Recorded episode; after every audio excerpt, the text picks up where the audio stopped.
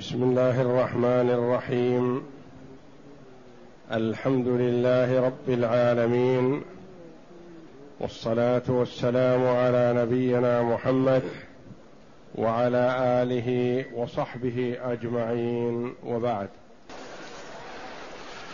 أعوذ بالله من الشيطان الرجيم. بسم الله الرحمن الرحيم. تنزيل الكتاب من الله العزيز الحكيم. إنا أنزلنا إليك الكتاب بالحق فاعبد الله فاعبد الله مخلصا له الدين. ألا لله الدين الخالص.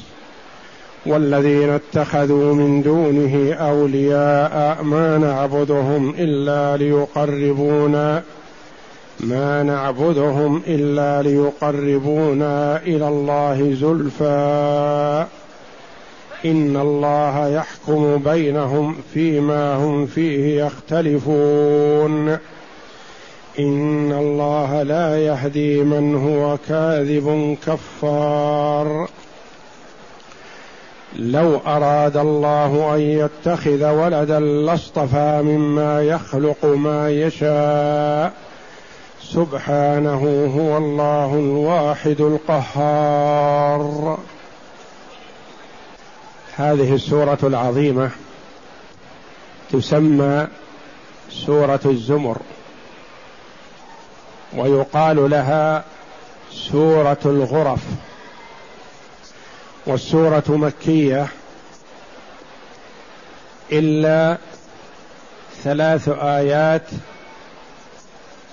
أو سبع آيات من قوله جل وعلا قل يا عبادي الذين أسرفوا على أنفسهم لا تقنطوا من رحمة الله إن الله يغفر الذنوب جميعا إنه هو الغفور الرحيم. الآيات قيل نزلت هذه في المدينة في وحشي قاتل حمزة. وأخرج النسائي عن عائشة رضي الله عنها قالت كان يصوم رسول الله صلى الله عليه وسلم حتى نقول ما يريد أن يفطر ويفطر حتى نقول ما يريد أن يصوم. وكان يقرأ في كل ليلة بني إسرائيل والزمر. وأخرجه الترمذي عن عائشة رضي الله عنها بلفظ كان رسول الله صلى الله عليه وسلم لا ينام حتى يقرأ الزمر وبني إسرائيل. وتسميتها بالزمر الزمر جمع زمرة. وقد ورد في آخرها وسيق الذين كفروا إلى جهنم زمرا وسيق الذين اتقوا ربهم إلى الجنة زمرا. وقوله جل وعلا تنزيل الكتاب من الله العزيز الحكيم. تنزيل مرفوع. على أنه خبر مبتدأ. وهذا المبتدأ مقدر أنه اسم إشارة. هذا تنزيل الكتاب من الله العزيز الحكيم. وقيل المبتدأ تقديره هو لأنه سبق في آخر سورة صاد إن هو إلا ذكر للعالمين كأن سائلا يقول ما هو فقيل له هو تنزيل الكتاب من الله العزيز الحكيم. فتنزيل خبر لمبتدأ محذوف تقديره هذا أو تقديره هو. وقيل تنزيل مبتدأ وخبره من الله. تنزيل الكتاب كائن من الله العزيز الحكيم. والقرآن تنزيل من الله جل وعلا. تكلم الله جل وعلا به. فسمعه جبريل عليه السلام من الله جل وعلا. فبلغه محمدا صلى الله عليه وسلم فهو كلام الله منزل غير مخلوق منه بدأ وإليه يعود. والله جل وعلا تكلم بالكتب التوراة والإنجيل والزبور والقرآن. ولحكمة يريدها الله جل وعلا. فالكتب السابقة وكل أهل الكتاب بحفظها. فضيعوها وحرفوا فيها وزادوا ونقصوا. فالله جل وعلا استحفظهم بقوله بما استحفظوا من كتاب الله وأما هذا القرآن العظيم فالله جل وعلا تكفل بحفظه ولم يكل حفظه إلى أحد كما قال جل وعلا إنا نحن نزلنا الذكر وإنا له لحافظون فحيث أن الله جل وعلا أراد بقاءه وخلوده إلى حيث يشاء جل وعلا حفظه.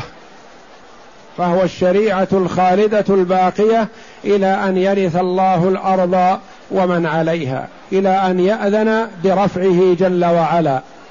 يرفع من المصاحف ويرفع من الصدور. متى شاء الله جل وعلا في آخر الزمان. وهو بين أيدينا ولله الحمد كما نزل على محمد صلى الله عليه وسلم. عجزت الأيدي والإرادات التي ارادت تحريفه أو زيادته أو نقصانه. عجزت أن تعمل شيئا نحو ذلك لأن الله جل وعلا قد حفظه فلم يستطيعوا ذلك. وفي قوله جل وعلا تنزيل الكتاب دلالة على علو الله جل وعلا لأن التنزيل يكون من أعلى لأدنى.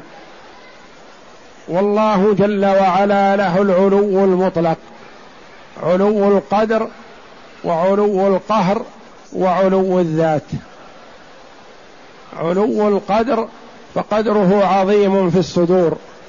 وعلو القهر هو قاهر لعباده جل وعلا قاهر لخلقه وعلو الذات فهو جل وعلا مستو على عرشه والعرش هو سقف المخلوقات والله جل وعلا في العلو وهو بائن من خلقه.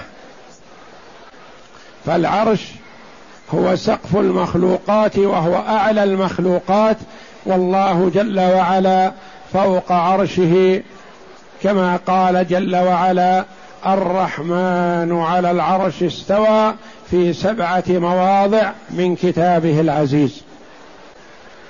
تنزيل الكتاب من الله العزيز الحكيم. هذا تعظيم وتنويه بشأن الكتاب العظيم الذي هو القرآن بأنه منزل من الله جل وعلا فليس بكلام المخلوق ولا من تصنيفهم ولا من قولهم بل الله جل وعلا تكلم به وأنزله على محمد صلى الله عليه وسلم. تنزيل الكتاب من الله العزيز الموصوف بالعزة والغلبة والقهر جل وعلا. الحكيم في صنعه وأفعاله الذي يضع الأشياء مواضعها جل وعلا. والله جل وعلا موصوف بصفات الكمال منزه عن صفات النقص والعيب. ومذهب أهل السنة والجماعة إثبات صفات الله جل وعلا كما وردت في كتاب الله وسنة رسوله صلى الله عليه وسلم. وهم يثبتون إثباتا بلا تمثيل وينزهون الله جل وعلا تنزيها بلا تعطيل. على حد قوله جل وعلا ليس كمثله شيء وهو السميع البصير.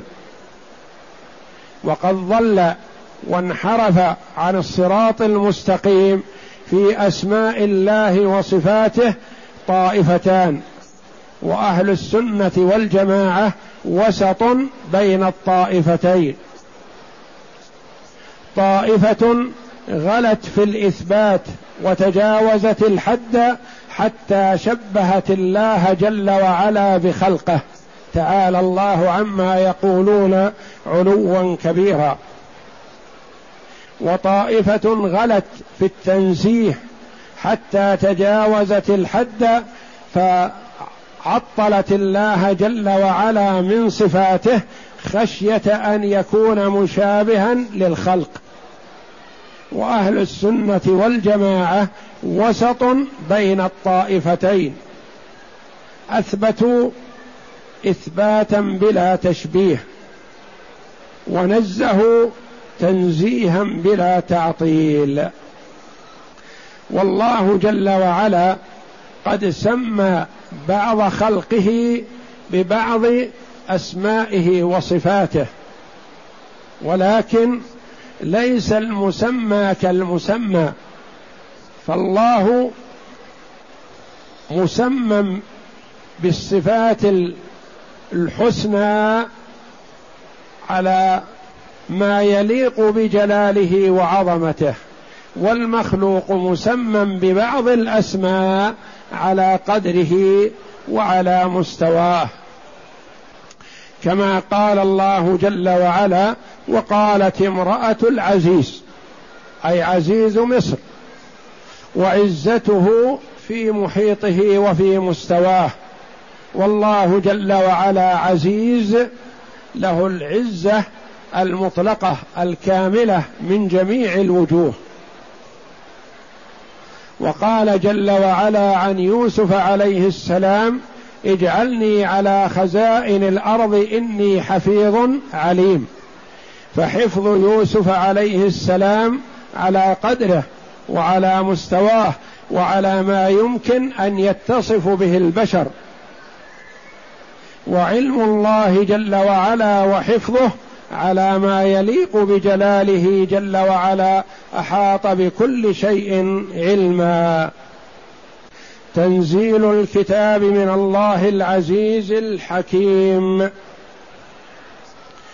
إنا أنزلنا إليك الكتاب بالحق. الباء في قوله بالحق باء السببية. أي بسبب الحق لإثبات الحق لإظهار الحق وبيانه. إظهار ما يجب لله جل وعلا. وما يجب لرسوله صلى الله عليه وسلم وما يجب نحو أحكام الله جل وعلا ونحو ما قرره الله جل وعلا من مبدأ البعث والنشور والجزاء والجنة والنار. إنا أنزلنا إليك الكتاب الذي هو القرآن بالحق بسبب الحق لإظهار الحق وبيانه الذي أراده الله جل وعلا. فاعبد الله مخلصا له الدين. فاعبد الله الفاء عاطفة ورابطة. اقتضت ذلك. فاعبد الله. أنزل الله إليك الكتاب بالحق. فاعبده. كما يقال أحسن إليك فلان فاشكره. إنا أنزلنا إليك الكتاب بالحق فاعبد الله. اجعل العبادة لله جل وعلا وحده مخلصا خالصا له لا شوب فيها. ولا تجعل لأحد غير الله جل وعلا فيها شرك. فالله جل وعلا لا يقبل من العمل إلا ما كان خالصا لوجهه صوابا على سنة رسوله صلى الله عليه وسلم. فاعبد الله مخلصا. جاء رجل إلى النبي صلى الله عليه وسلم فقال يا رسول الله إنا ننفق المال للذكر فهل لنا من أجر؟ فقال لا. فقال يا رسول الله إنا ننفق المال للأجر والذكر. فقال النبي صلى الله عليه وسلم الله جل وعلا غني لا يقبل ما كان له ولغيره. فهو جل وعلا كما قال الله في الحديث القدسي أنا أغنى الشركاء عن الشرك. من عمل عملا أشرك معي فيه غيري تركته وشركه. فمن عمل العمل لله ولغير الله فالله جل وعلا غني عنه. وإنما يقبل من العمل ما كان خالصا والخالص السالم من الشوائب سالم من الرياء سالم من الالتفات إلى غير الله. فاعبد الله مخلصا مخلصا في عبادتك. له الدين له العبادة وحده لا شريك له. ألا لله الدين الخالص. الدين الحق لله وحده. لا يقبل ما كان له ولغيره. ألا لله الدين الخالص. فالخالص الشاء السالم من شوائب الشرك يقبله الله جل وعلا ويثيب صاحبه. وما كان مختلطا أو مشتركا له ولغيره فإن الله جل وعلا لا يقبله ولا يثيب عليه بل هو غني عنه. ألا لله الدين الخالص الحق السالم من الشوائب. والذين اتخذوا من دونه أولياء الذين هم المشركون والذين اتخذوا من دونه من دون الله جل وعلا أولياء يعبدونهم كما يعبدون اللات والعزى ومنات. إن الله يحكم بينهم. والذين اتخذوا من دونه أولياء ما نعبدهم. يقولون ما نعبدهم إلا ليقربونا إلى الله زلفى. إذا سئلوا من خلقكم؟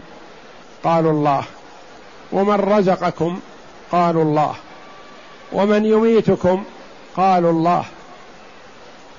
ومن يدبر الأمر؟ قالوا الله.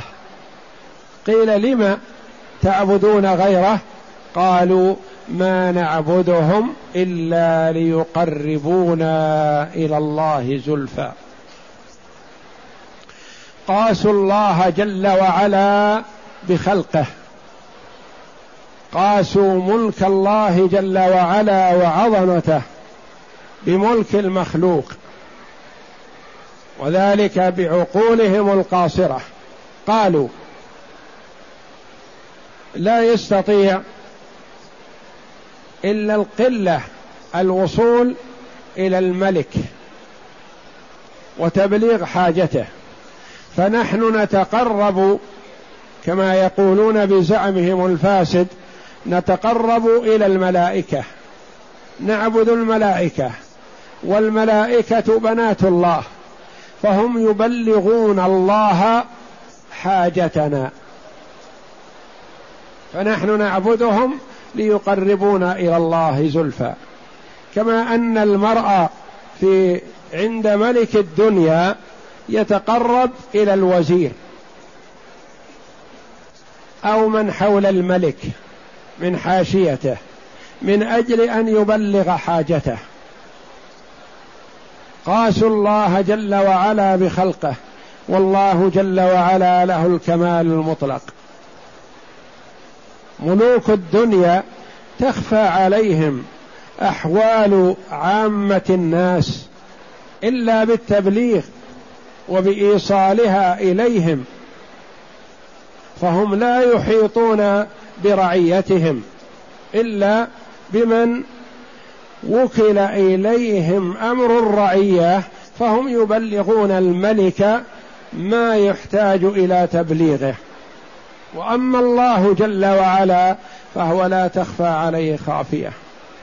يعلم خائنة الأعين وما تخفي الصدور. ولقد خلقنا الإنسان ونعلم ما توسوس به نفسه ونحن أقرب إليه من حبل الوريد. الله جل وعلا أعلم بابن آدم من نفسه. فليس بحاجة المرء إلى أن يجعل بينه وبين الله واسطة وإنما يسأل الله مباشرة ويعبد الله جل وعلا مباشرة. وإذا سألك عبادي عني فإني قريب أجيب دعوة الداع إذا دعان فليستجيبوا لي وليؤمنوا بي لعلهم يرشدون.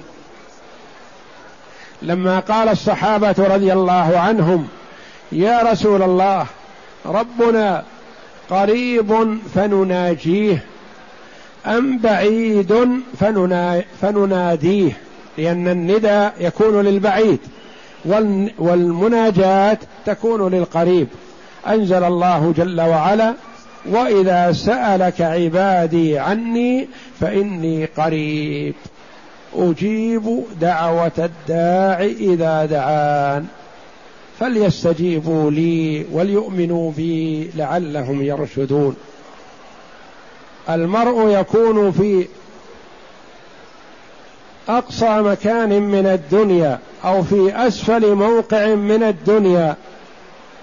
ينادي الله جل وعلا يسمعه. يسمع ويرى. دبيب النملة السوداء على الصخرة الصماء في ظلمة الليل جل وعلا. وسمع جل وعلا كلام خولة وهي تخاطب النبي صلى الله عليه وسلم وتشتكي حالها وما حصل من زوجها وعائشة رضي الله عنها عندهما. ويخفى عليها بعض كلامها فأنزل الله جل وعلا على عبده ورسوله محمد صلى الله عليه وسلم قد سمع الله قول التي تجادلك في زوجها وتشتكي إلى الله والله يسمع تحاوركما إن الله سميع بصير فالله جل وعلا ليس في حاجة إلى أن يبلغ عن خلقه ولا يقبل من أحد الشفاعة إلا بإذنه ولا يأذن جل وعلا لأحد أن يشفع إلا لمن رضي الله قوله وعمله. والذين اتخذوا من دونه أولياء يعبدونهم ويتقربون إليهم يقولون ما نعبدهم إلا ليقربونا إلى الله زلفى. يقولون نريد أن يبلغوا الله جل وعلا حاجتنا ويشفعوا لنا عند الله في الدنيا لأنهم لا يؤمنون بالبعث. لا يريدون الشفاعة يوم القيامة. أو يريدون النجاة من النار يوم القيامة لا يقولون نريد من هؤلاء أن يبلغوا الله بحاجتنا بطلب الغيث طلب الرزق طلب المال طلب الولد طلب الصحة والعافية ونحو ذلك. والله جل وعلا لا يقاس بخلقه.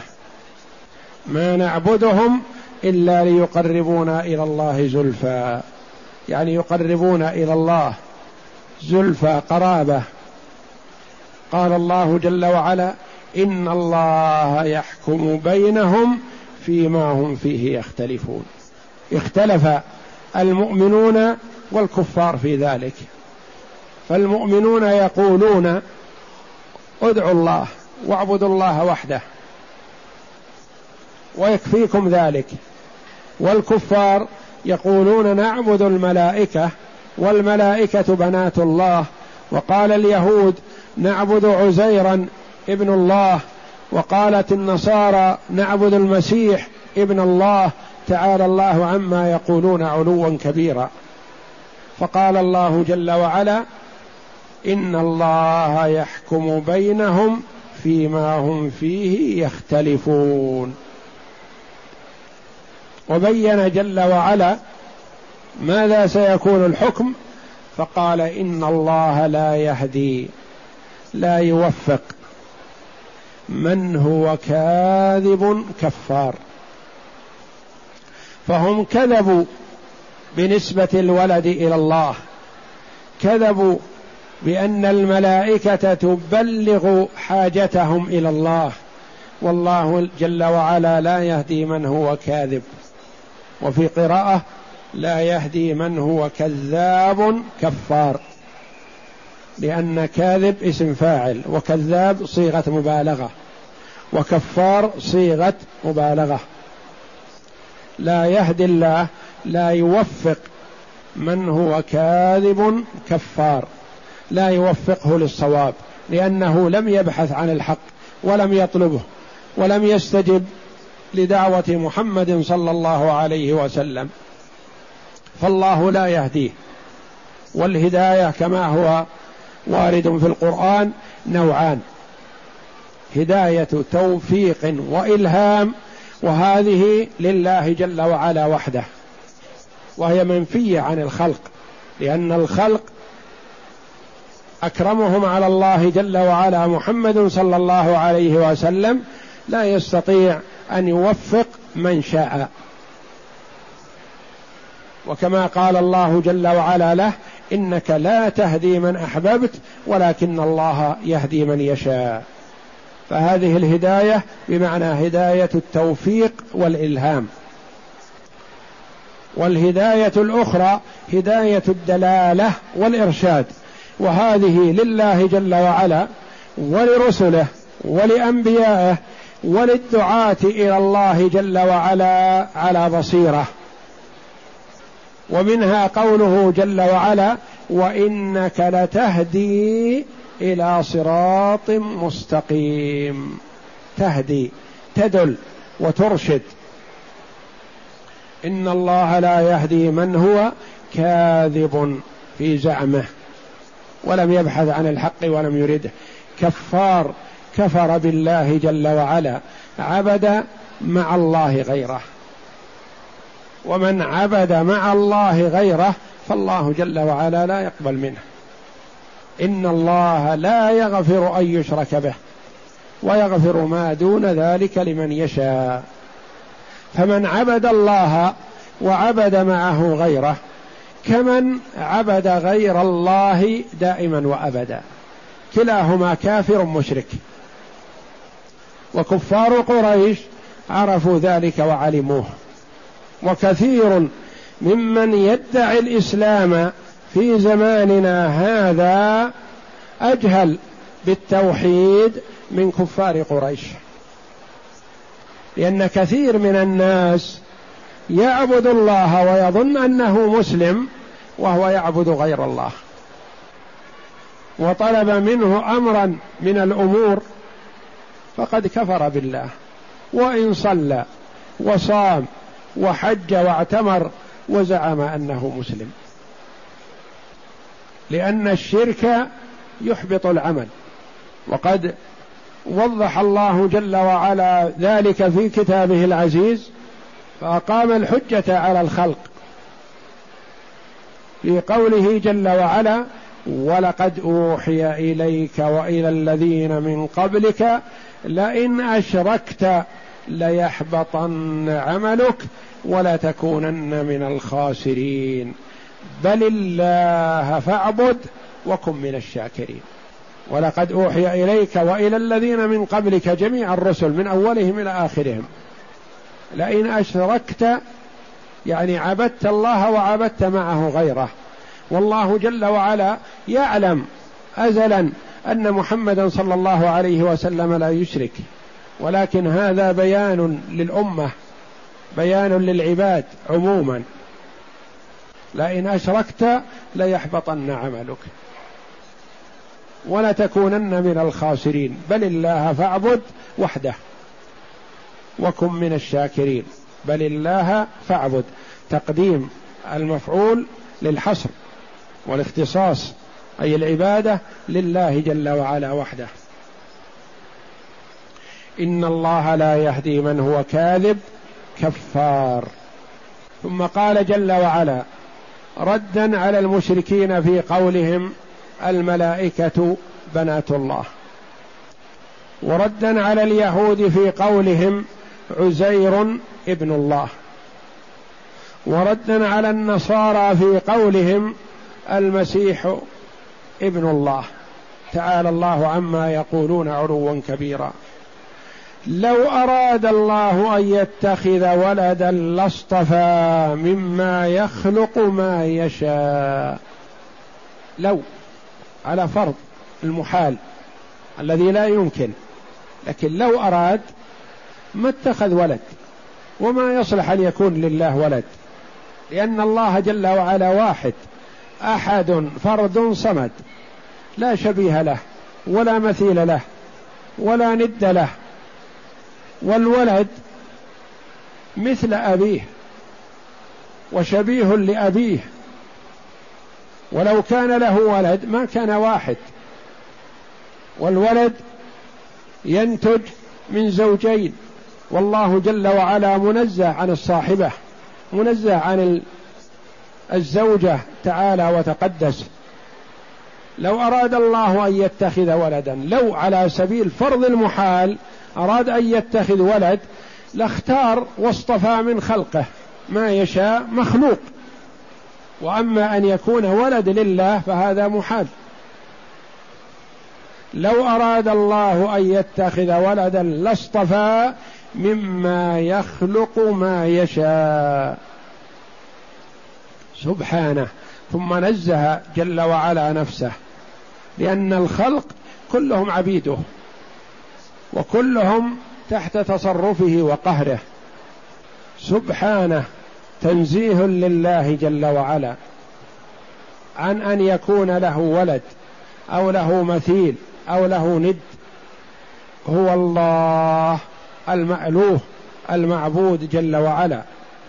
الواحد لا ثاني له ولا مثيل له. لو كان له ولد ما كان واحد. كان له مثيل لأن الولد مثل أبيه لا فرق بينهما. الواحد القهار صفته جل وعلا واسمه القهار قاهر لخلقه على ما يريد. والقهار لو كان له مثيل ما كان قهار. كان له منازع له مشابه. فالإتيان بهذين الاسمين دلالة على تنزيه الله جل وعلا وتعظيمه عما وصفه به الظالمون من المشركين واليهود والنصارى. هو الله المألوه المعبود وحده. الواحد الذي لا مثيل له ولا شبه له ولا ند له. القهار الذي قهر الخلق جل وعلا يتصرف فيهم كيفما شاء. هو الله الواحد القهار. وافتتح هذه السورة العظيمة بإعلاء شأن الكتاب العزيز القرآن. وإثبات الألوهية والوحدانية لله جل وعلا. والرد على المشركين في قولهم ما نعبدهم إلا ليقربونا إلى الله زلفى. وإثبات الرسالة لمحمد صلى الله عليه وسلم إنا أنزلنا إليك. القرآن منزل على من؟ على محمد صلى الله عليه وسلم. وفي هذا تعظيم لشأنه عليه الصلاة والسلام. ففيها تعظيم لشأن القرآن وتعظيم لشأن المنزل عليه وإثبات رسالته وإثبات الألوهية والوحدانية لله وحده جل وعلا والرد على المشركين من الكفار قريش واليهود والنصارى في أن الله جل وعلا لا مثيل له ولا ند له ولا ولد له ولا والد تعالى وتقدس كما وصف نفسه في أعظم سورة فيها إثبات صفات الباري جل وعلا التي تعدل ثلث القرآن. سورة الإخلاص سورة عظيمة تعدل ثلث القرآن كما قال صلى الله عليه وسلم قل هو الله أحد الله الصمد لم يلد ولم يولد ولم يكن له كفوا أحد. فهذه السورة سورة عظيمة. الصحابي رضي الله عنه الذي كان يصلي بأصحابه أمره النبي صلى الله عليه وسلم عليهم فكان رضي الله عنه يصلي بأصحابه ويقرأ سورة الإخلاص ومعها آيات من القرآن. فقال له أصحابه إما أن تقتصر عليها وإما أن تقرأ غيرها. فقال هكذا أقرأ إن شئتم أن أصلي بكم. فرضوه يصلي بهم حتى قدموا على النبي صلى الله عليه وسلم فقالوا يا رسول الله يفعل كذا وكذا. قال سلوه. لما؟ فسألوه. فقال لأن فيها صفة الرحمن وأنا أحبها. فقال النبي صلى الله عليه وسلم حبك إياها أدخلك الجنة. فهو أحب هذه السورة وقد أخبر صلى الله عليه وسلم أنها تعدل ثلث القرآن. لأن القرآن نزل فيه أنواع التوحيد الثلاثة توحيد الربوبية وتوحيد الألوهية وتوحيد الأسماء والصفات وهذه السورة اشتملت على توحيد الأسماء والصفات. والله أعلم وصلى الله وسلم وبارك على عبده ورسول نبينا محمد وعلى آله وصحبه أجمعين.